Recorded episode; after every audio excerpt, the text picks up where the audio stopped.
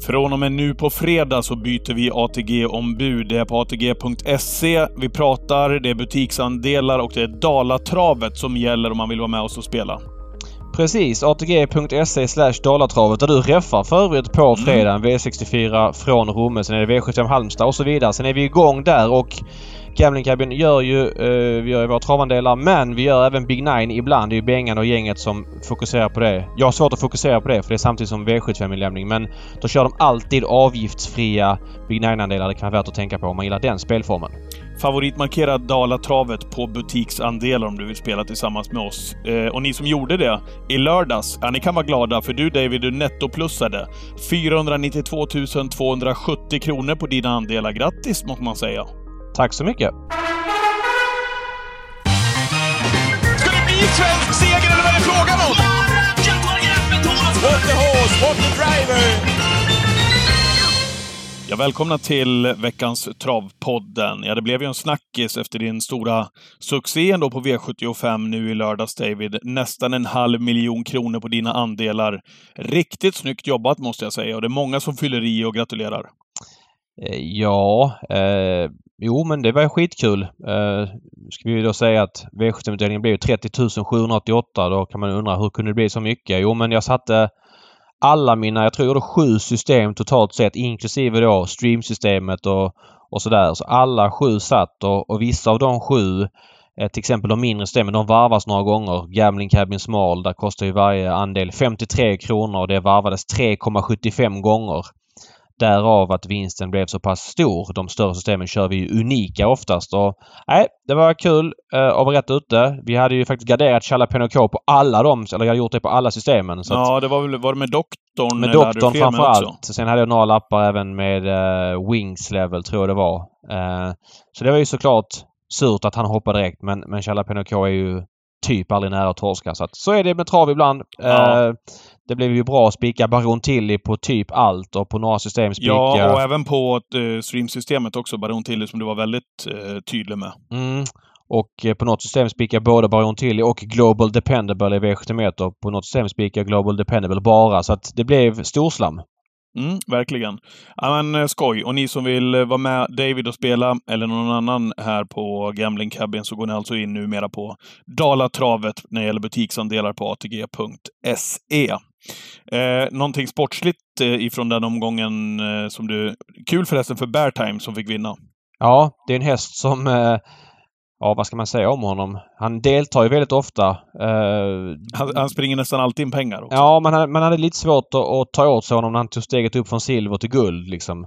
Men han är ju bra. Han, men han var ju tvåa i SM förra året på ett bra sätt och visst, spår 12. Jag läste eh, någon statistik, tror jag Spelvärde som hade den eller om det var Travfakta. Noll eh, lopp har vunnits på V75 på Örebro sedan 2010. Från spår 12, 0,62 ska sägas, över 2100 meter. Det här blev ju då 1 av 63 så att han spräckte en, en lång trend från spår 12 på Örebro över 2,1. Vadå, eh, just i guld eller vadå? Nej, nej. Alla V75-lopp som har körts i Örebro sedan 2010 över 2100 meter.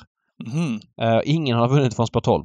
Ah, uh, okay. på, på 62 starter då, som jag uppfattade. Och nu vann Bear Time. Han var ju väldigt bra. Great Time Trot gjorde en bra debut i Ulf Stenströmers regi. Det här är ju en bra häst vet vi i grund och botten. Vann ju V75 för Svante Båt.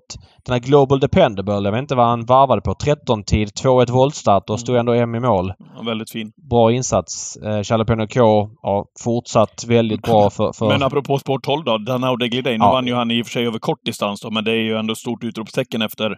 Han var ju bra hos gul pilot, men Adrian har ju lyft upp honom till en ny nivå ändå, faktiskt. Ja, jag skulle landa i honom som den stora klon för omgången. Sättet han vinner på, alltså han var ju grym där när han kom vår, förra våren från Gocciadoro. Han vann ett lopp på Valla, tror jag, på 10 och 6 eller 10. Var inte typ också från Sport 12? Ja, en 10 tid från Sport 12. Eh, sen tyckte jag matchades konstigt. Var ute Storchampionatshelgen tre lopp samma dag och sådär. Men, men hos Adrian har han varit klockren och ah, han är ju väldigt kraftfull när Adrian styr på liksom redan 1200 kvar och bombar framåt och han är ju helt oön för positioner. Och, Ja, vi har pratat om honom tidigare. Eh, det är ju sagt innan han kom till rollen att han skulle tillbaka till Gocciadoro när han drar igång sin filial. Men frågan är om man vill in, ändra på det här vinnande teamet. Låt vara att hästens höjd fanns hos Gocciadoro tidigare. Han var så här bra där också men mycket mer jämn hos Adrian har han ju varit. Så att eh, ja. Eh, hade jag varit ägare så hade jag nog behållit dem hos, hos Adrian helt, helt klart. Med tanke på att det är ju ingen stress med det. Han är bara fem år. Man kan liksom låta han löpa på i silver här nu under, under sommaren. Och ska man ju ta eliten nästa år måste ju inte gå ut liksom mot de bästa redan nu. Även om det känns som en häst som inte hade gjort bort sig i princip i alla sprinterlopp. Nej. Nej, ruggigt fin faktiskt. Det är klart, man ser att han har lyft honom eh, när du reflekterar tillbaka på den där tio tiden och prestation man kommer ihåg ifrån eh, Solvalla. Men det är ju det är en sak då att komma med lite mindre pengar på kontot eh, och ha överkapacitet för den klassen. Eh, nu är han ju uppe i en helt annan division och tävlar silverdivisionen nu i lördags och gör det på det här sättet. Så att, att leverera så pass på den här höga nivån i den här klassen, det var det lite grann det jag menar också med att han har, han har lyft honom till en, en ny nivå. Ja, det loppet den dagen var stängt till 350 000. Han hade spår 12 då och, och ja, det var ju barf nej, jo, det var barfota och grejer liksom. Låt vara att tiden då var 10 och 4 men i maj månad. Men, men 11,5 nu. Skit i tiden. Titta på sättet. Alltså hur hästen ser ut. Han ser ut som en eh, Helt rätt David. stridsvagn. Bara bombar runt om Du liksom. börjar lära dig nu. Ja, precis. Ja, du såg helgen ut bra ju, så jag har lärt mig. Ja, men det är bra. Kolla på prestationerna och inte bara alltid stirra sig blind på tiderna Nej, men, i, men, ja, men ibland, ibland måste ju tiden till för att du ska få... Men en häst springer fort, men hur fort springer den? Ja, det är det som är intressant och då måste du klocka den. Så att, eh, Mm. men nu var det intrycket i varje fall framförallt som var Ja. läskigt bra på honom. Verkligen.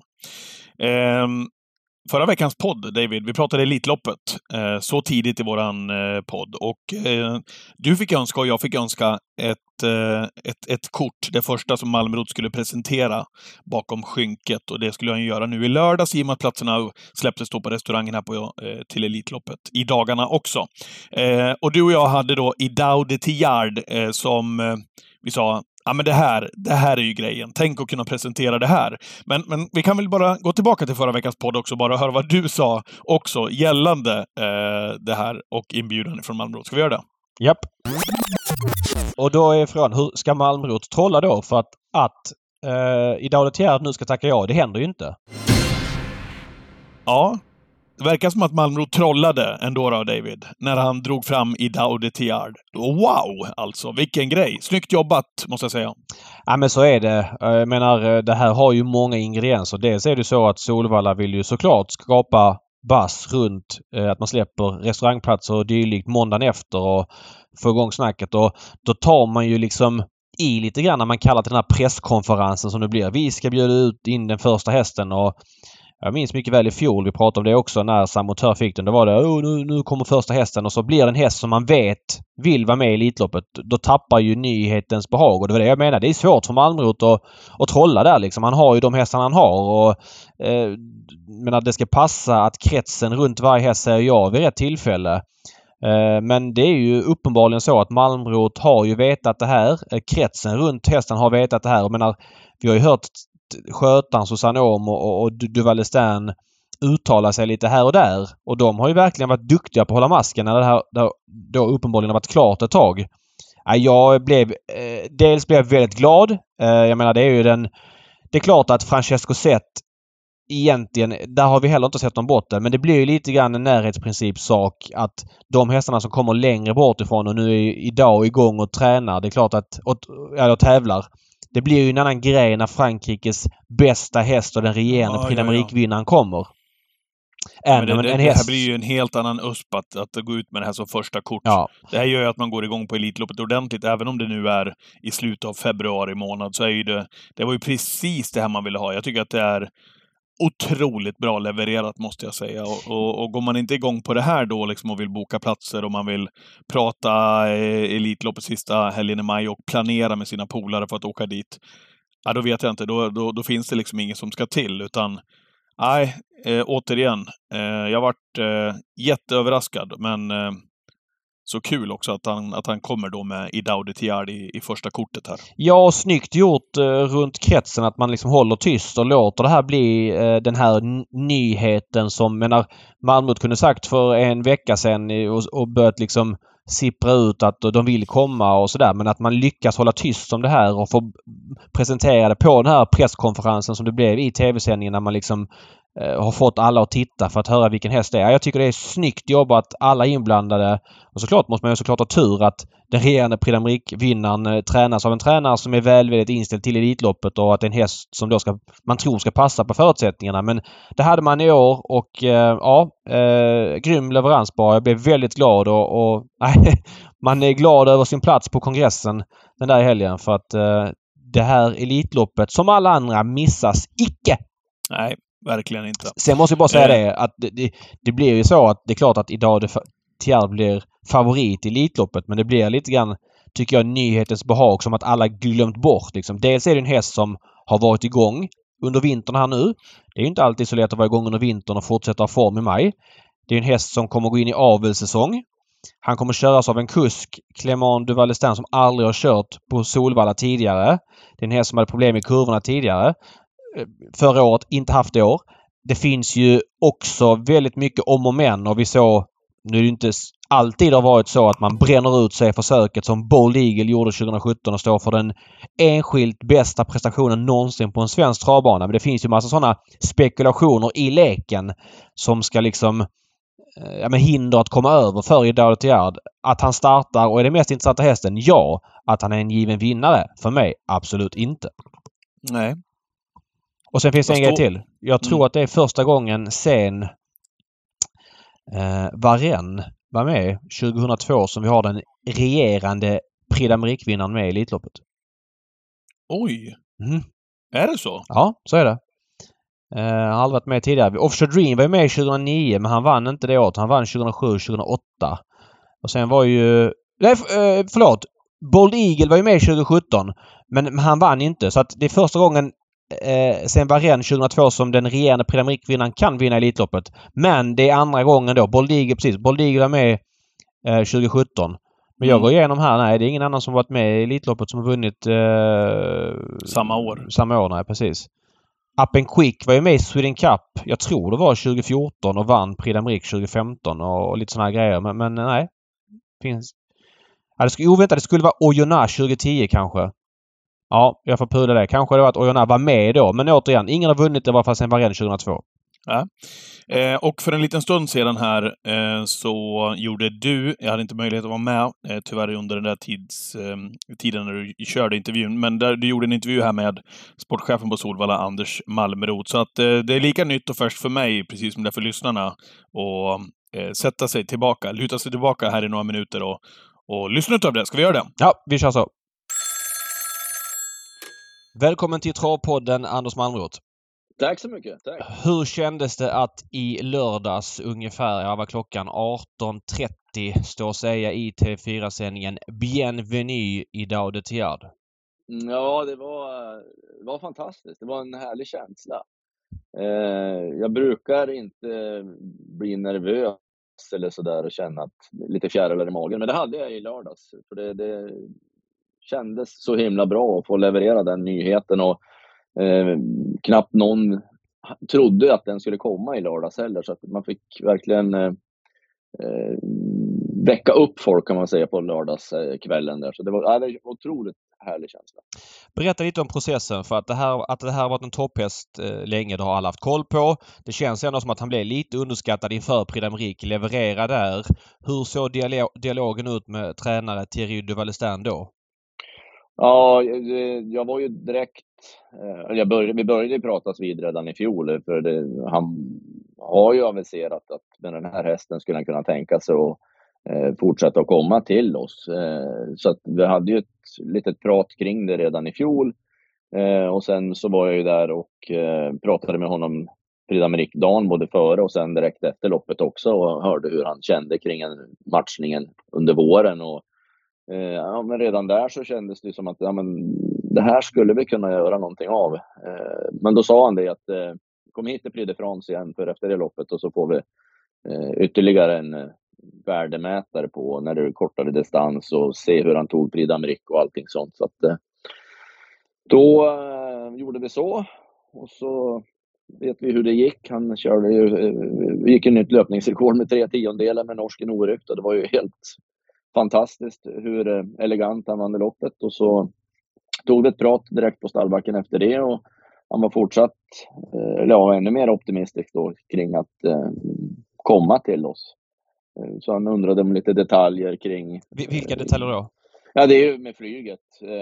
Eftersom han har ett avelsarbete så han är ute i Normandie och vill ju vara borta så kort tid som möjligt. Det var lite grann så när Bold Eagle kom också.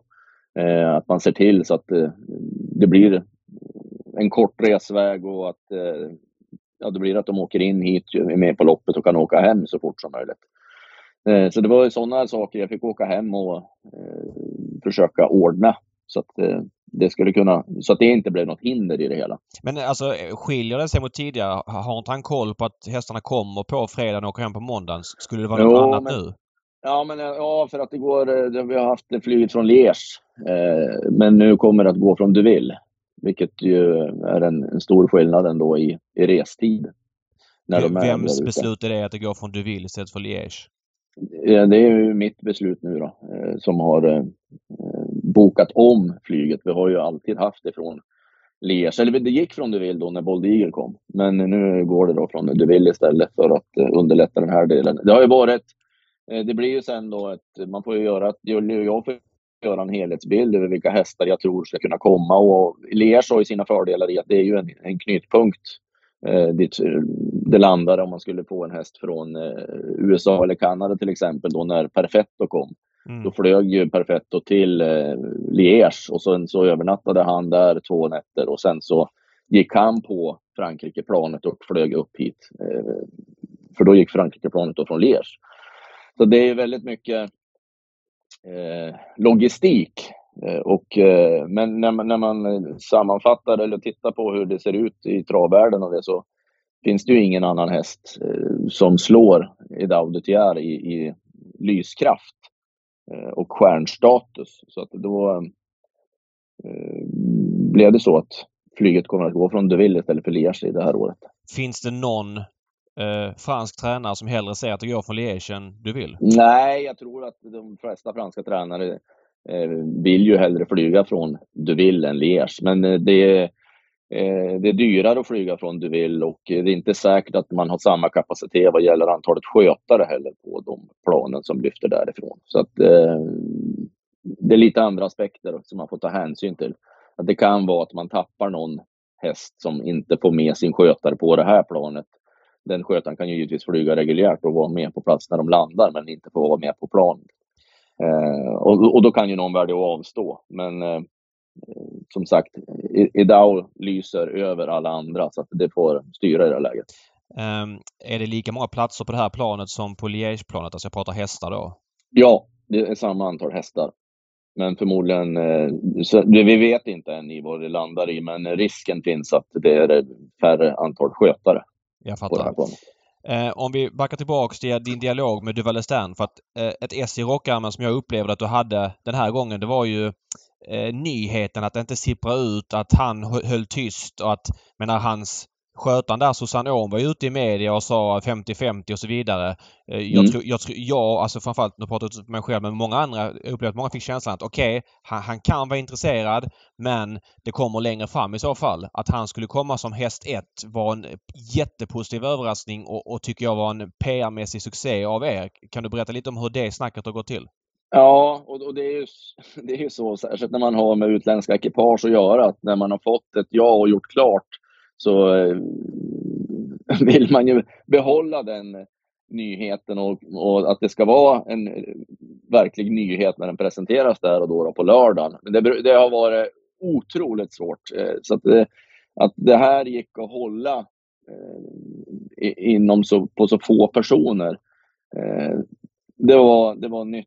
Men jag, i allt så jag försöker ju hela tiden att påpeka att där och då blir den här officiell och kan ni så eh, prata positivt kring det och det, men eh, just att inbjudan är klar och det, den, den vill jag ta då på eh, lördagen när jag står där i sändning. Så att det är ett poängterande som den här gången gick hela vägen. Och det blir ju så mycket mer effektfullt och det blir ju så otrolig, en sån boom kring inbjudan. När man, för det är alltid någon gång på nätet någonstans. Jag, fredagen började jag scrolla överallt och tänkte det, det kommer ju någonstans stå att Ja. den här, att ja, har sagt så och så, att han har tackat ja till inbjudan. Men det, det, ingenstans så kom det, så att det var eh, väldigt, väldigt ovanligt.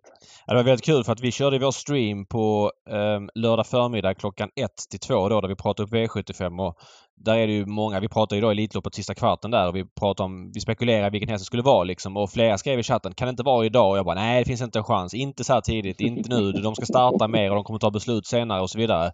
Mm. Eh, Jag gissar att du hörde bruset från olika håll för jag läste inte någon eh, trovärdig som trodde på idag. Eh, jag vet inte vad du har Nej. för känsla runt det? Nej, det är precis så. Eh, och på söndagskvällen då, förra helgen, så var ju även Thierry med i Kiri har ju en kvällssändning där också då, eh, med en gäst. Och då var ju han gäst den söndagskvällen i deras sportblock. Och jag tänkte nu är det ju omöjligt, det här kommer ju aldrig att funka. Men eh, han var ju briljant. Eh, eh positiv kring Elitloppet, berättade om matchningen och ja, om sin häst och allting sånt. Men eh, inget mer än så. så det, det kändes ju eh, verkligen skönt att alla var med på tåget. Vad säger han om, om hästen? Om vi backar bandet till förra årets Prix d'Amérique eller förra årets vinter så hade han jätteproblem i, i kurvorna. I, i Vincennes stora sista kurva och bröt väldigt ofta och galopperade då i det skedet i Prix d'Amérique 2023. I år har han varit mycket bättre. Eh, hur, Ja. hur, vad säger han om, om Solvallas snävare kurvor? Ja, men han, han tror inte att det ska vara något problem i år, för han är som sagt han är mycket starkare i kroppen.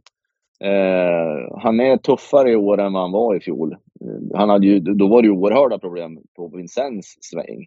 Eh, han satt ju bara Clement då och försökte ju varje gång nästan att få honom bara runt sista kurvan och eh, satt ju nästan på högertummen och sen så kunde han släppa av honom och så vann han för att han var så himla bra.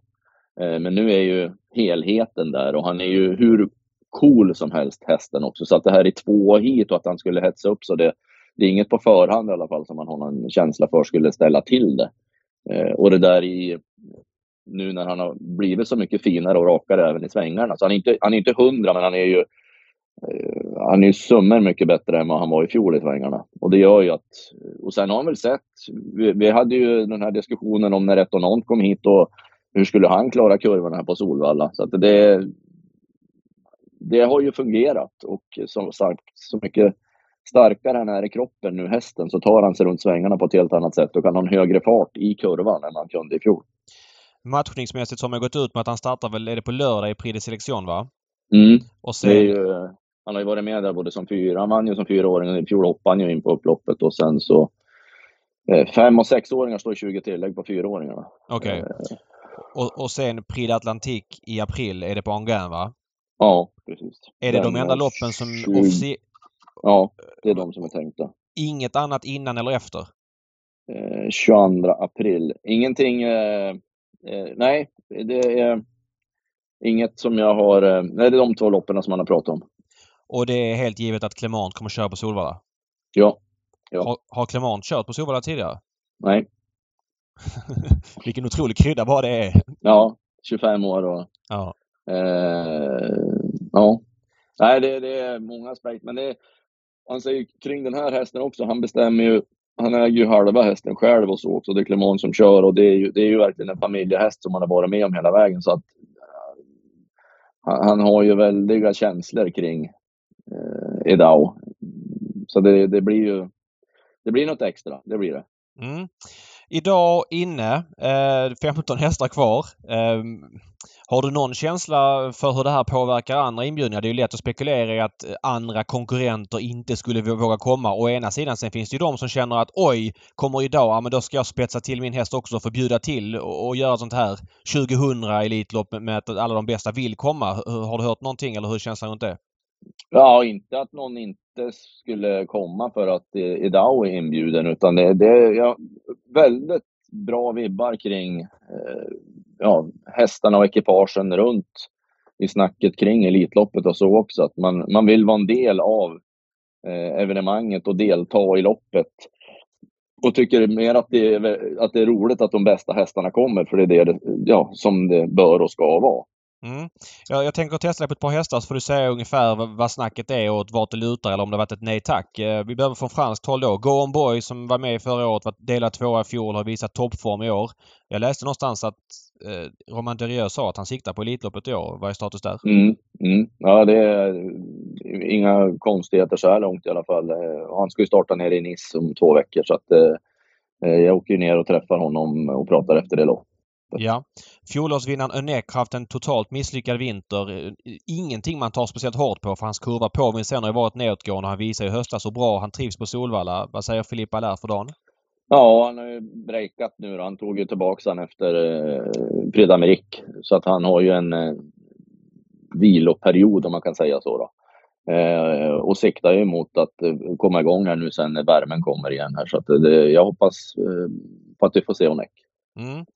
Eh, jag går efter ATGs oddslista här. Eh, Huckleberry Hooker Barry står ju 30 gånger. Basir har ju i många år eh, sagt att det inte är aktuellt och så vidare. Känns som att det har öppnats lite dörrar om Nikola skulle köra på olika hästar här sista åren.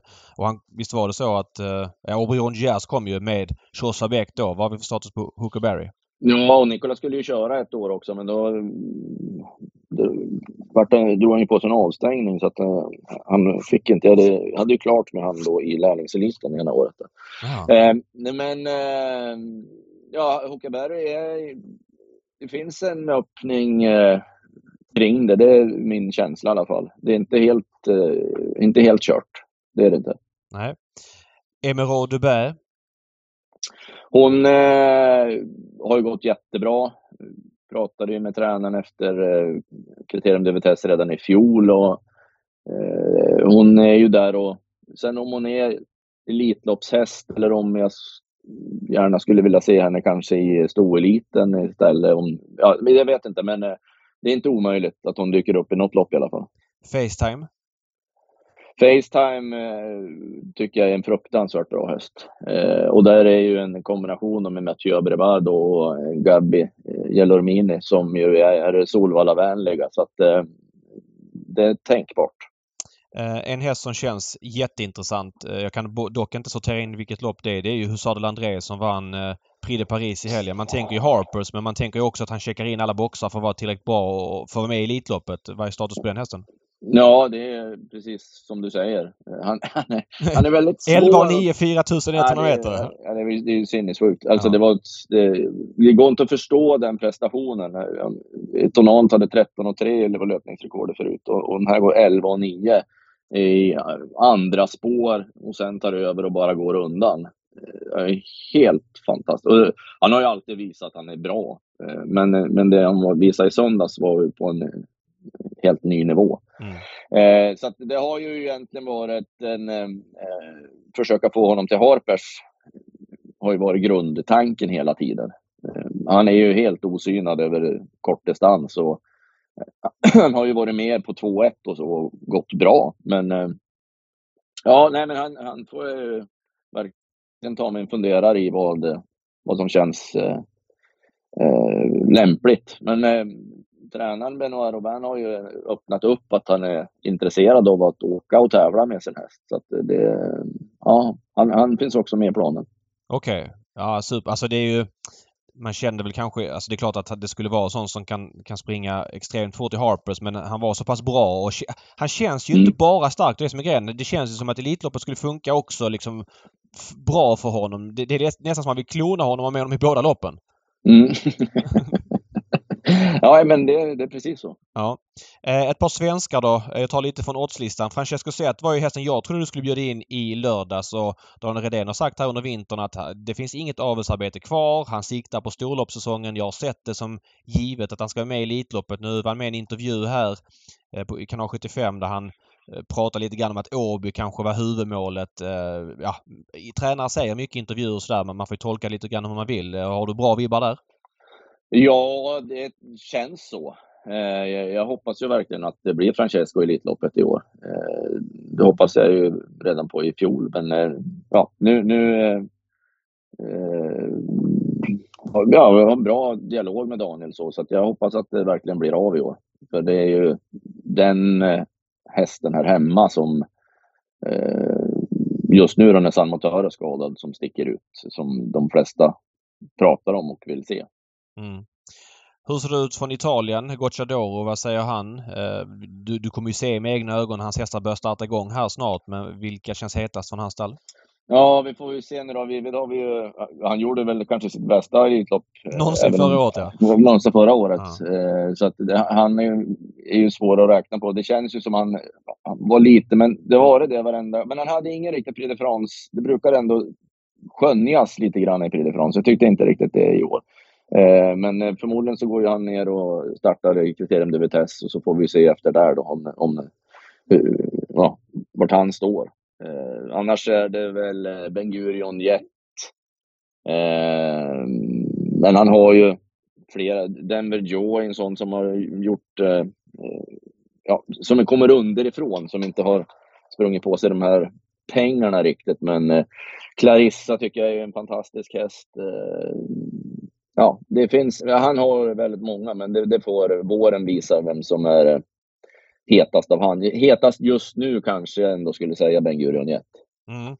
Eh, eftersom eh, ni flyttar flygplatsen, flygplanet från Liège till eh, du vill och du berättar att Liège kanske var en knutpunkt för amerikanska hästar. Då går det ju tolka kanske att det amerikanska spåret återigen inte är så hett. Jag kan inte komma på någon speciell häst. Det är klart man vill säga Jiggy Jog men där flaggas det för att karriären snart är slut. Vad kan du säga från USA så här några månader innan? Ja, det, det är ju jag, jag vill så lika mycket som någon annan se hästar därifrån. Men det är ju det är inte lätt. De, eh, det finns inte så många med den kvaliteten. Det är Jiggy Jog. Direktflyg pratas det ju mycket om hela tiden. Det är ju en kvarleva som jag får ha sedan det fanns det då när Resolve var hit. Men, ja, det var ju sponsrat eh, av Karl-Erik Bender ska vi säga. Ja, exakt. Och den här flighten finns ju inte så den måste ju specialchartras och som flygpriserna har gått upp nu så den går på mellan 3-3,5 miljon en sån flight att mm. ordna. Och det är ju inte görbart. Det finns ju ingen möjlighet att få den ekonomin i det hela för det är ju allt annat runt omkring också. Så det vi kan eh, erbjuda det är att man flyger från New York till Liège och eh, sen eh, bussas upp då. Det tar ju två dagar. Det är ju egentligen ingen fara för det är ju fantastiska hästbussar och man kan ha, övernatta en natt i Malmö och sen är man här uppe. Eh, så det, det är den möjligheten som vi kan erbjuda.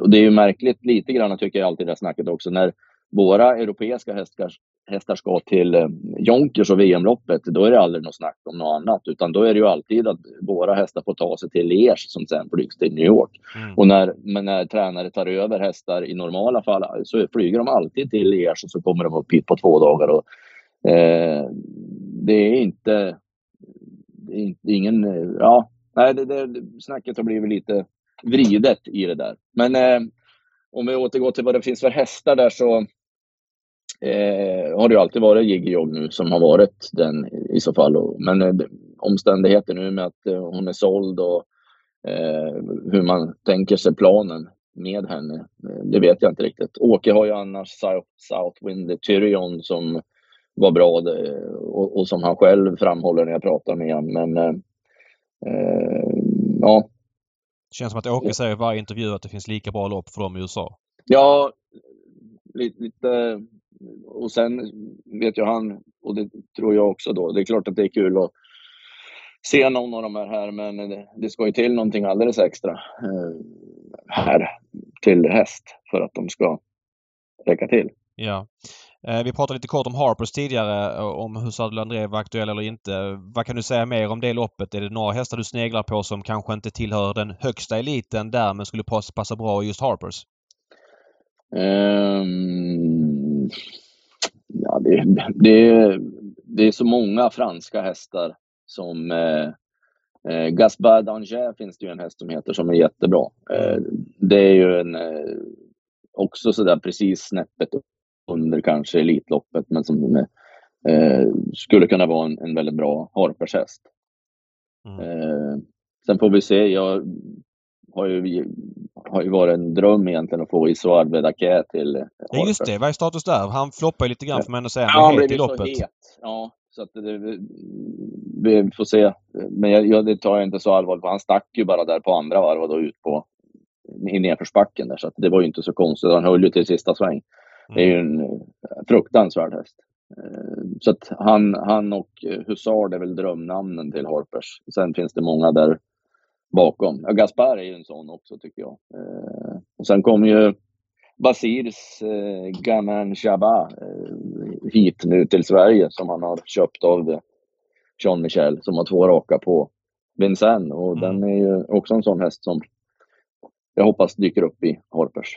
Mm, Redén har köpt den, ja precis. Mm. Um, Okej, okay. ja men det låter ju positivt. Men kanske Harpers, det kanske kommer lite senare att utkristallisera sig kanske med, med en månad ja. kvar och så vidare. Ja, så är det ju. Så är det ju.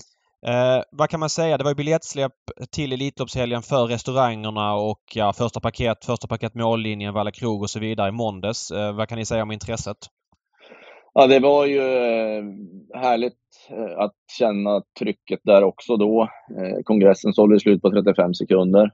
Ja. Det, och även de övriga ytorna sålde väldigt bra.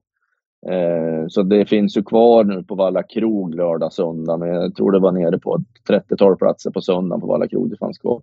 Sen ska man ju, så, så det är ju många, men, men det är ju en temperaturmätare ändå på hur Elitloppet mår när vi gör det där släppet. Det vi står gör alla på helspänn framför eh, Thomas Claesson då som är våran Tixter manager här, eh, som har koll på hur bokningarna förlöper. Mm. Så det är ju jäkligt eh, tillfredsställande att se då att det går åt som smör på en gång när klockan slår nio.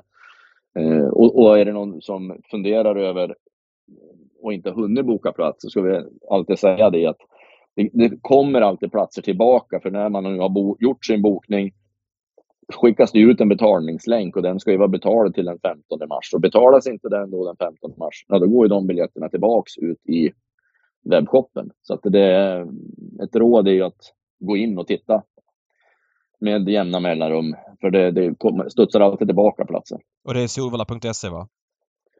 Eh, ja, exakt. Ja. exakt. Och, så, och så scrollar man sig till Elitloppet där.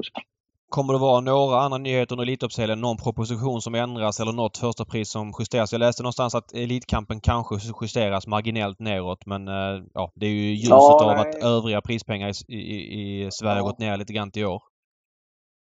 Eh, ja, nej, det, vi försöker hålla det på eh, samma nivå. Eh, jag tittar på fyraåringseliten för ston om den möjligtvis skulle kunna få sig en, en höjning för den har varit man får ju se lite grann i, i ja, man, man ser vad det är för hästar vi brukar få och vad det loppet är värt och så. Men har, det, det, brukar bli ett ruskigt bra lopp. Eh, vi såg ju Jassi Perin i fjol till exempel. Eh, och likställa det kanske med eh, den öppna fyraåringseliten. Mm. Men det är inget bestämt än. Vi håller på att se över propparna nu. Vi har ju två och en halv vecka på oss innan de ska vara ute.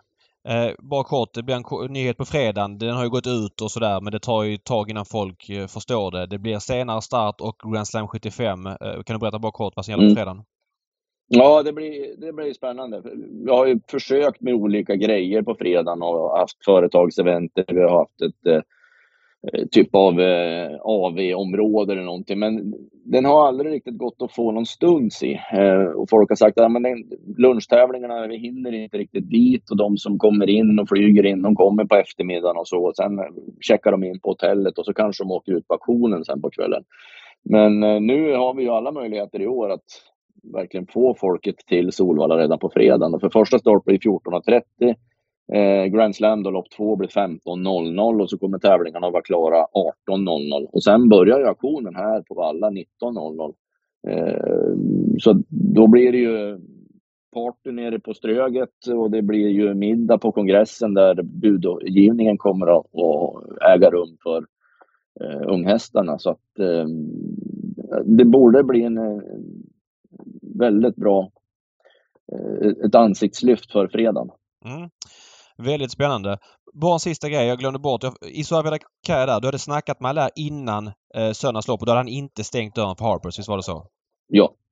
Och, men inte Exakt. efteråt, men det kan hända grejer och det kan komma besked. Ja, vi har, inte, nej, vi har inte pratat nu efter det söndag. Så det, vi hoppas att eh, det fortsatt är tänkbart.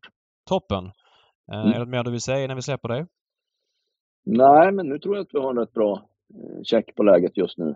Mm. Eh, ja. In och boka säger jag om ni inte har gjort det. Eh, det är inte så många gånger man får se Frankrikes absolut bästa häst komma sin prime. Det var väl Bold Eagle 2017 senast och lång... Det var ju flera år sedan. Alltså, jag menar visst Timo K var här men det var alltid Bold Eagle som var bättre. Det, det händer inte så ofta att de kommer. Nej, nej, och det är, det är ju verkligen det är ju drömhästen. För att få eh, den som vinner Prix d'Amérique till Elitloppet, det är ju det man önskar. Det är ju det man eh, jag verkligen vill varje år. Så är ju Prix d'Amérique-vinnaren högst på listan. Så att vi redan nu har den i, klar. Mm. känns ju fantastiskt. Men jag, jag känner ju verkligen av feedbacken som vi har fått och jag har fått. Det är ju ingen inbjudan jag har gjort under de här sju åren som är i närheten eh, av det här i meddelanden, mejl, eh, intervjuer både från Frankrike och Sverige. Så det, den har verkligen nått ut och det känns ju otroligt kul. Att den här sportnyheten att världens bästa eh, kommer till Solvalla.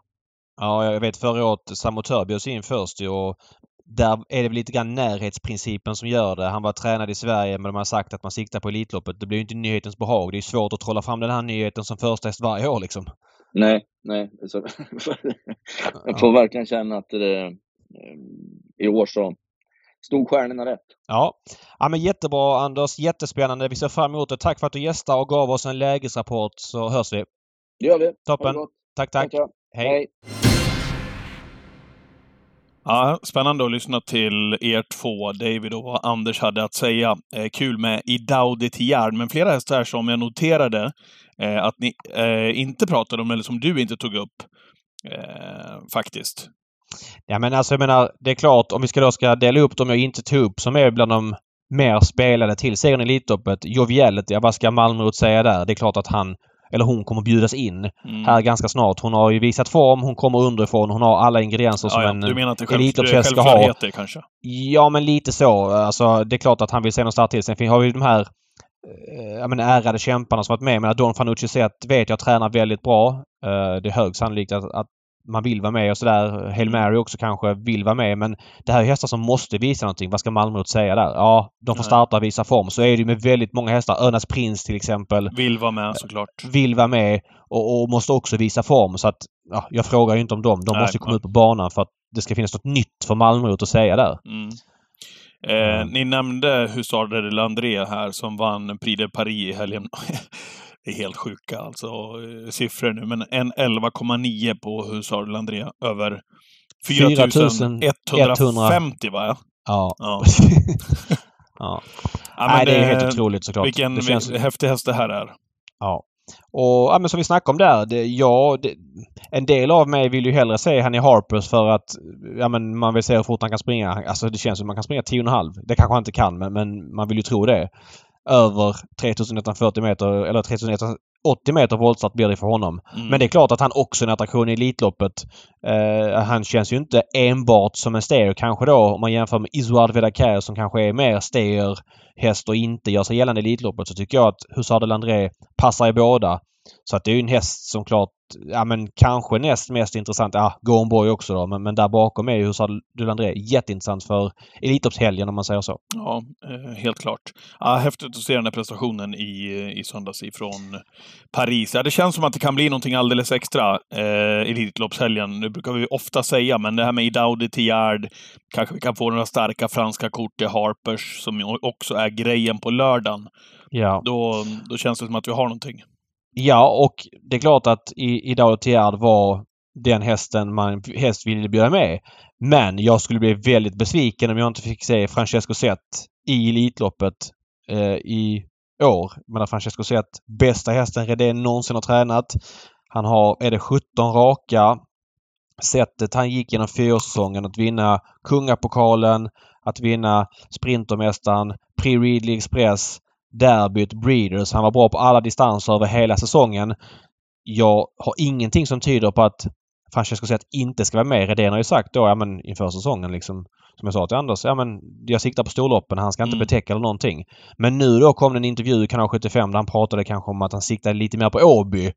Eh, och Elitloppet kommer tidigt. Vi får se. Det är ju, han har, behöver ju inte spela med öppna kort gällande sin matchning. Han får ju behålla lite för sig själv men eh, för mig det mest intressanta det är ju att jag vill se Francesco Zet i Elitloppet i år. Mm. Och då ytterligare en dimension till att Idag de Tiard är med så man får se den matchen också. Det kommer finnas många andra matcher i Elitloppet men eh, det är vad jag hoppas på mest eh, just nu. Mm. V75 nu på lördag avgörs eh, på Halmstadtravet. Hur eh, mycket har du hunnit kolla så här i början av veckan? Ja, men som förra veckan. Eh, första kollen. Man har ändå snappat upp några grejer som det finns att prata om så jag tycker att eh, ja, men vi kan köra en första kollen. Det är ju då barfota balans är tillåtet igen eh, och det Mm. blinkar mycket rött i startlistorna. Ja, och, ja, och jag tycker att det är kul. Det är klart att vi ibland hamnar i andra sidan av vågskålen. Att hästarna från spets blir svåra att nå och allt det där när det blir barfota och det blir lite varmare i luften. Samtidigt är det så att när det är som i vinter att oavsett vilka lopp hästarna får, vissa hästar får, kan de inte vinna. Medan nu är det ändå känslan att en, en, en ganska okej häst får spets, men Tella Barfota kan svara en favorit som kommer en bit ner i kön och sådär. Så att jag tycker ändå det blir fler hästar som kan vinna loppen. Inte bara för att det är barfota men för att det fler bra hästar tävlar såklart Mm. och allt det där. Så att, ehm, Nej, det ska bli kul. Det är skönt med säsongen inom travet. Vi behöver det. Så jag gillar verkligen det här barfotaförbudet men det är skönt när det också är över. Winnerbrodde blir favorit i den första avdelningen. Apropå att det blinkar rött, David, så är det både barfota runt om och anmält med bike nu. Han fick ju nöja sig med tredjeplatsen senast som ganska så klar favorit faktiskt. I Mm. det där V86-loppet som vanns utav Global Enjoy och So Far Away Ås. Det var väl en OK-prestation, men inte så mycket mer väl? Ja men så är det. Han är ny i klassen, eller ganska ny. Han har ju så tufft in i silver och han är ju snabb ut. Eh, ganska snabb ut och borde väl kunna vara en aspirant på ledningen. Men det finns ju snabba hästar utvändigt. Special Major är snabb ut. Dominic Vibb är snabb Mm, ut. Och Major Ass är snabb ut. Och Random RD är snabb ut. Så att det är inte säkert att han bara liksom svarar upp och... Ja, då tycker jag att han är sårbar som, som favorit. Eh, En intressant start gör 8 Eiran här. Hon visar ju väldigt mycket som, som treåring framförallt men även som fyraåring. Men har inte alls fått till det i Preben Sörviks regi. Nu är det då barfota första gången i, ja, sen i, i höstas. när De var ute, jag tror det var ett Mm. försök till, eller semifinal till British Crown. Hon, hon hoppade i senast. Ändå svårt, jag, jag, förstår vad du Ja. menar, men det är svårt för Nej. de här hästarna som, som har tjänat sina pengar, de här Ja. stona framförallt, som har tjänat sina Ja. pengar som yngre när de har varit talangfulla och, och gått bra i årgångsloppen och sen kommer de upp och möter hingstar i, i silverdivisionen. Det är, det är tufft för dem alltså. Ja, det är tufft för dem. Och jag ville bara nämna henne som en intressant start. Men Helt jag okej. Tror inte att hon har några större segerchanser även om hon bara är en, en procentare nu. Så, så ja. Mm. Men det ska bli kul att se henne i alla fall. Kul att se Cassius Clay DE i V75s andra avdelning också. Men nu är det voltstart och fjärde spår. Det är liksom inte bara. Nej, och eh, jätteintressant att säga det för den här hästen har ju liksom bara startat i auto i hela sitt liv. Utom en start. Det var den 29 november på Åby förra året. när Då hade den Alex körde, va? springspår. Ja, precis. Mm. Eh, då hade den springspår och låt vara att det kan ha varit Alex orutin som gjorde det också men det var ju en av de sämre springspårsträffarna vi har sett under 2023. Och efter starten har gått så ser inte hästen helt rytmisk ut heller liksom och springer liksom småskiftar och sådär. Så att voltningen känns ju som ett jättebrasklapp tycker jag. Vi får se vad Stefan Persson säger här när det närmar sig veckoslut men nej, jag tycker det känns helt iskallt. Nu är jag ju 60 procent det kommer han ju inte vara men favorit blir han nog och jag kan nog redan säga att jag kommer att gardera honom eh, med tanke på de förutsättningar som råder. Lurig galopp på Berta Sankare senast, men eh, skulle han få det att stämma nu då så är det bara fota igen. Det är inte bara att plocka 20 på honom om han kommer iväg bra ifrån sin springspår. Verkligen inte. Det är 2,6 och, och den är ju mest gynnad av, av den distansen och de där framme alla på start. Det kan inte vara så kul, att- det är inte så kul att ha honom över sig om man, är lätt, Nej, om, om man alltså- heter Let Me In till exempel. Nej, Per Nordström har ju en betrodd häst där i lätt minne och, och det borde vara drömryggen. Nu vet jag inte. Ja, det var ju faktiskt kul med Per Nordström länge sedan man såg dem i startlistorna. Han kommer nu med barfota, förbudet försvinner. Ja, just det. Uh, nej, jag... Jätteroligt V75-lopp det här. Uh, svinskoj. Ska bli kul att se det Mm. och spekulera i det. Kul att spekulera i Sweetman också, som alltid, som är favorit i V75s tredje avdelning. Men här måste man väl syna ändå, väl David, även om man har fått önskeförutsättningar med eh, kortdistans och perfekt utgångsläge. Vi har ju Heart of Steel eh, invändigt eh, och Festival of Speed. Det, jag är, det är inte helt säkert att han tar sig förbi dem. Ehm, Ändå och, nej, troligt, va? Det är ju troligt kanske, men ändå inte helt säkert. Sen är det väl ändå inte... Alltså, ge honom att han vann senast, men det var ju ett ganska så billigt lopp ändå väl? Det blev väl Ja. det. Med Digi- Digital Dominance och Star och Leonardo och Dragster, de här som var närmast större. Ja, så är det. Så Det är ju inte så här är- att han bara... Alltså, jag, jag har ju svårt för... eh, när han blir så här mycket spelad. Ja men jag kör på det. Han är nu 47-procentare och han kommer bli favorit på att alla vet att han är startsnabb och funkar bra i ledningen. Och så kör ju Mange. Det är ju intressant såklart. Mm. Eller intressant, men det är alltid intressant när Mange sitter upp bakom häst första gången. Jag tror inte att det är speciellt svårkörd häst där det blir någon så här wow, Mange kör. Men ny kusk är alltid en grej man, man reagerar på. Lite så också med Four Guys Streamy som får André Eklund i, i sulken när Stefan kör Eddie Bear, eller eh, familjens Eddie Bear. Oroväckande formkurva på Forga Stream tycker jag. Jag tycker att han, vintern brukar vara en stark Mm. period för honom med hårda banor och sådär men, Men inte nu då? fungerat. Barf, och bike igen. Ja. Nej, kanske. Men eh, formkurvan är, finns inte där. Det gör den däremot på Eddie Bear som, Ja. som känns hetare än, vad um, Forga Stream gör. Det tråkiga för Eddie Bear det är att det är barfota nu och att han tävlar med skor. Det är ju inte så bra för honom relativt sett. V75s fjärde avdelning, Sia Lloyd är favorit nummer sju. Ja, who? Höll jag på att säga. Ja, lite Eh, så va? Lite så känns det så här tidigt i veckan. Uh, nej, det känns rörigt. De där bak står väldigt tufft inne. Uh, i det här, med 12 hästar på start och, och bara två på tillägg. Mm. La Ferrari Dimanche blev ju rejäl lampa senast efter att ha varit grym gången innan. Men hon fick ju ett snällt lopp där gången innan. Det blev väldigt betrodd på V86 förra veckan.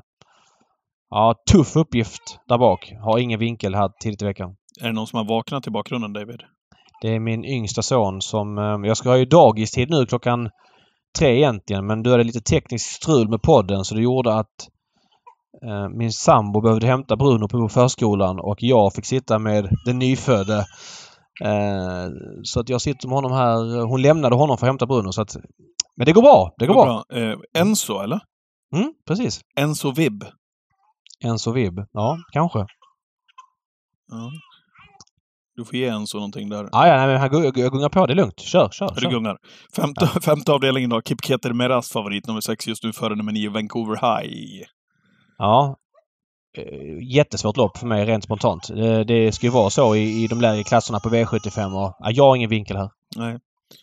Jag stressad jag blir när jag hör Enzo där i bakgrunden. Jag tycker... Men du har koll där. Ja, jag har full koll. Han ligger i en eh, gungstol här. Jag gungar honom. Ja, Han är bra. lite missnöjd bara av Ja. att hans mamma gick. Sjätte avdelningen, favorit nummer fem, Here's... Nej, förlåt. Eh, Ett Frankie Godiva knappt före nummer fem, Here's Johnny Sox. Ja, eh, jag har en sak att säga här. Uh, Hanna Läderkopp låg väldigt lågt med So Far Away år senast. Mm. kändes inte som någon eh, vidare häst eller som att han inte bjöd till i träningen och, och hon låg jättelågt. Han gjorde ett bra lopp då Men han gjorde väl ett av sina bästa väl? Ja men verkligen. Och med tanke på hur lågt hon låg då med det loppet i kroppen så tycker jag att han gör en intressant start. Och slog ju eh, Winnie Brodde som jag sa. Ja, ja, ja. Ja. ja. men ja, jättebra. Men när eh, och André kör... Nej, intressant Sen start. fjärde Spår spåren fyra- långdistans. Ja, Nej, men spår 4 volten är väl kallt och allt det där. Men Mm. han kommer nog bli rätt lite spelad också. Det är väl lite grann vad jag tycker sticker ut. Mm. Och så sista avdelningen då, eh, just nu favorit nummer ett, Utah Southwind. Ifrån innen, här lyser också rött David med bike och barfota. Mm. Ja. Maserati Hall var, var det nog många som trodde skulle vinna i lördags sista sväng. Tyckte Uffe Olsson satt väldigt lugn i, ledningen med Great Time Trot då. Jag tror att det är en ganska bra häst. Jag tror han gynnas mycket av autostart för att lite stegrig av sig. Jag hade ingen feeling att han skulle kunna öppna speciellt bra i lördags så det, det gjorde han väl inte. Inte tillräckligt bra i alla fall. Eh, Det känns Mm. som ett plus med auto för honom. Ja, spännande V75-gång. Jävligt rolig tycker jag. Eh, jag har varit bortskämd med jackpot här många veckor. Men hellre att det är felstreckat och jämnt än jackpot och precis griskallt. Så Ja. vi ser fram emot det. Twitch lördag 13.00 som vanligt och vill ni hänga med oss spelmässigt så är det atg.se dalatravet som gäller.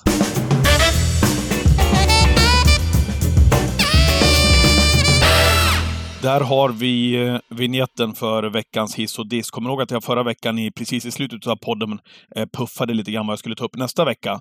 Eh, jag tänkte att jag gör det här nu, även om hiss och dissen ligger alldeles intill oss och vill ut. Men jag vill bara slå ett slag för den gala som alla yngre ska iväg på här i mitten utav mars, David. Ponnytravgalan. Och här finns det alltså återigen då människor i travbranschen som är med och stöttar det här, eh, den här galan för att subventionera för alla ungdomar. Jag drar de här kort och gott bara för att Egentligen har de ing- ingenting för det här förutom att de vill vara med och hjälpa till och då tycker jag att de ska hyllas också. Marcus Melander till exempel, som har varit ponnyaktiv när han var yngre, skickade till och med ett sms här i veckan och skrev “Kan jag hjälpa till på något mer sätt? Hojta till”. Att man gör det i hans position. Han Mm. behöver egentligen inte göra det när han sitter borta i USA och är jävligt duktig på det han gör. Eh, och är en bra bit ifrån ponnysporten här i, i Sverige. Men ändå skriva ett sånt sms, all cred tycker jag. Jag håller med helt och hållet. SRF. SRF Stable eh, är med. Eh, vi har Åbytravet som är med, eh, trots att galan är i Stockholm. Eh, vi har våran podd, Travpodden, är med. Ja. Eh, vilket är viktigt att påpeka. Vi har Agria eh, som också är med och sen har vi Idun Fastigheter som också är med och stöttar det här. Stort tack till alla er som gör det möjligt för alla ungdomar som får det subventionerat en sån här gång. Yes, nu är det hiss och diss David och eh, jag, jag, jag dissar va? Eh, du dissar precis ja. Ja. Eh, och då tänkte jag så här, um, vi hade ju hemmamatch här i lördags, så jag eh, såg ju på V75-loppen då direkt jag kom hem. Man får försöka hålla sig borta från allt brus. Man springer alltid på någon som har V75 igång i någon loge eller någonting, men jag försöker alltid... Är det så? Ja, men så ska jag komma ut och så säger de så här, ja ah, du, Dark Roaster vann inte guld liksom. Vad synd, du trodde på den. Alltså, man vill inte ha de där kommentarerna utkastade, man vill ju liksom bara kunna sätta sig ner efter matchen och sen eh, gå igenom dem då på play. Ja, det är klart. Men jag hade en häst till start eh, utanför V75. Eh, och eh, sätter mig då för att titta på det loppet på ATG Live. Och jag måste säga att det är jäkligt irriterande när man... Man måste kunna ha ATG Live igång utan att känna att man ska bli berövad liksom på, eh, eller på, på hela upplevelsen av att ha häst i start, eh, utan att behöva gå in på banans ljud.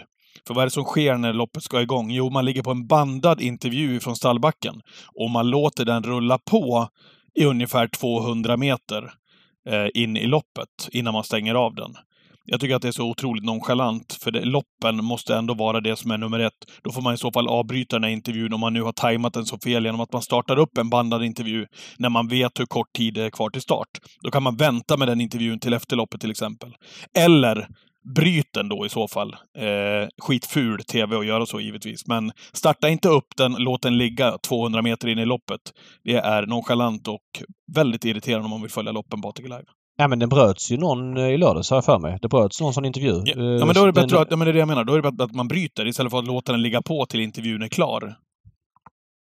Ja, Jag tycker också det är konstigt att man spelar, om man säger att en intervju är en viss längd, att börja spela upp den så att man vet att man inte hinner spela upp spela klart den. Och sen så tycker jag att sista minuten ska det ju vara provstarter om man ska bygga upp loppet. Att, att köra en bandad intervju eh, liksom i DV-ruta samtidigt som bilen rullar från förra loppet. Jag tycker det är helt iskallt. Det det är dålig bollkänsla. Mm. Jag vill jag säga. Och dessutom är det så ATG Live, de visar ju... Jag vet ju att, att det finns sportsnack ATG Live. Det tycker jag man har hanterat bra och tycker att... Eh, ja, men, det, tar, det stör inte travet så mycket. Man har hittat en, en eh, vad ska jag säga, jämn, bra jämvikt när det ska in och inte in. Jag förstår att man har sportsnacket. Det är en del av ATGs utbud, så inga konstigheter. Men det jag stör mig på det är ju när, nu var det ju eh, hästridsportsnack häst ridsportsnack som kom in mitt mellan V75-loppen. Man skulle göra reklam för det och, och skicka till Ridsportstudion. Och, ja, det, det är också en av ATGs produkter. Problemet är att det sker ju uppenbarligen på bekostnad av att andra saker då kommer sent. Typ intervjuer och så vidare. Jag vet inte om det är redaktionellt motiverat att prata ridsport. Jag menar sporten omsätter ändå en hel del eh, på ATG sportspel. Därför är det väl motiverat att prata om ridsporten. Not so much. Omsätter i princip ingenting. Det är ett poolspel. Jag vet att ATG är inne där och sponsrar och så vidare men jag tror ingen vill se det som gillar travet och nej, konstig prioritering som inte känns redaktionellt motiverad. Till skillnad från sportdelen då som ändå omsätter mer så att det blir lite märkligt. Håller med. Ska du hissa? Ja, jag ska hissa. Vi har pratat om det. Eh, vi kan prata om hur mycket som helst i det här men det som det här handlar om det är travsport i grund och botten. Och vi har i många år eh, har man åsikter om hästar som bjuds in till Elitloppet. Vissa känner man mindre för och så vidare men det engagerar väldigt mycket. För första gången på många år får vi en häst med pricken över i direkt. Vi får den regerande Prix d'Amérique-vinnaren. Eh, jag tycker att eh, Anders Malmroth och eh, kretsen runt Idao Tiad har hanterat det här femstjärnigt med ett överraskningsmoment som första häst som är väldigt viktigt att överraska folk. Jag hoppas verkligen att det här gav eko till bokningen av biljetter till Solvalla. Eh, har man inte bokat den tycker jag man ska göra snarast. Väldigt Mm. kul inbjudan, väldigt snyggt jobb runt den och jag är väldigt glad att världens just nu bästa häst, sen får vi se om man är det i maj, kommer till Solvalla sista söndagen i maj. Bra och given hiss, David, utav det här eh, i den här veckans podd, tycker jag. Mm, innan vi avslutar bara, jag måste säga en sak. Eh, I förra veckans podd var jag lite eh, kritisk till Bergsåkers eh, eller jag var kritisk till placeringen på den omgången, V75-omgången. Eh, det var ju så att man hade stoppat in det här kallblodsloppet för ston eh, på kupongen för att man hade tagit bort ett lopp med Stumnefyr. Eh, Stumnefyr som eh, vann utanför. Jag tror han stod i 15 för 10. Mm. Eh, han vann väldigt enkelt. Och jag fick det att låta som att när man har High on Pepper så kan man inte köra silver på kupongen för silver var extremt ihåligt och det var bara två hästar spelade. Jag menar då att man borde ha ett annat lopp. Och det loppet man hade som, det var ju det här kallblodsstorloppet som gick in på kupongen och så Mm. var det då Stumnefyrloppet som gick som lopp två och Stumnefyr han vann alltså till eh, 1,56. Där bakom var det ett Montelopp eh, med 35 000 till vinnaren och eh, två andra lopp med 35 000 till vinnaren. Eh, jag förstår att man inte hade fler alternativ den här gången. Att det blev fel att man då körde silver framför Stumnefyr. Det jag däremot kan tycka det är att uppenbarligen så måste man kanske ha ytterligare ett lopp i bakfickan. Framförallt när det är vinter. Det behöver inte vara ett 100 000 kronors lopp men kanske ett 75 000 kronors lopp som ändå är värt att ligga på V75. För att som det blev då är inte optimalt. Efter förutsättningarna man hade för den omgången. Ja, jag kan ha lite större förståelse nu än vi hade förra veckan för jag var inte uppmärksammad på det här. Men resultatet för spelarna och underhållningen blir ändå lidande. Så är det så att man, man känner att det finns risk för tunn anmälning eller liknande eh, under en period. Då borde det finnas ett lopp till att kunna mixtra med när man bygger en V75-kupong. Så har jag sagt det också. Mm. Ja.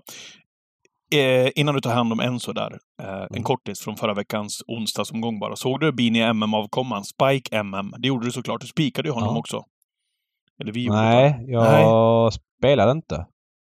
Nej, Jo, det gjorde jag. Jo, det gjorde jag. Jo, jag spelade honom. Jag- jag för spikade. Jo, just det, Vi, jag- vi hade lika där, såg jag. Vi, Just det, jag, fick, jag, jag klev av. Just det, jag fick eh, några sjuor där. Fick penna tillbaks. Men Jag såg du, vad, såg du vad lik han var sin pappa Bini Ah, MM? häftig häst alltså. Jäklar Så- vilken fin häst. Bara braka av till spets och, och såg jättefin ut. Kul med Mårten Våge igen i hetluften. Han är Ja. en härlig, härlig man och man Precis. gillar ju Bini MM. Kul att hoppas han kan leverera som avelshingst. Det vore en plusvariant. Conny Midutski vinner inte ihjäl sig på Valla, men han var med Hackelsumlan. Var också en god bit från förra veckans eh, V86-tävlingar på Solvalla. Bra, då har vi fått det sagt också i veckans Travpodden. Häng med oss i våran stream och Twitch nu på lördag. Vi ses där klockan 13.00 för att prata upp V75-tävlingarna ifrån Halmstad-travet. Precis. Och vill ni spela V75 eller någon annan spelform med oss så är det numera atg.se slash dalatravet som gäller. Tack för den här veckan. Vi hörs. Hej! Hej!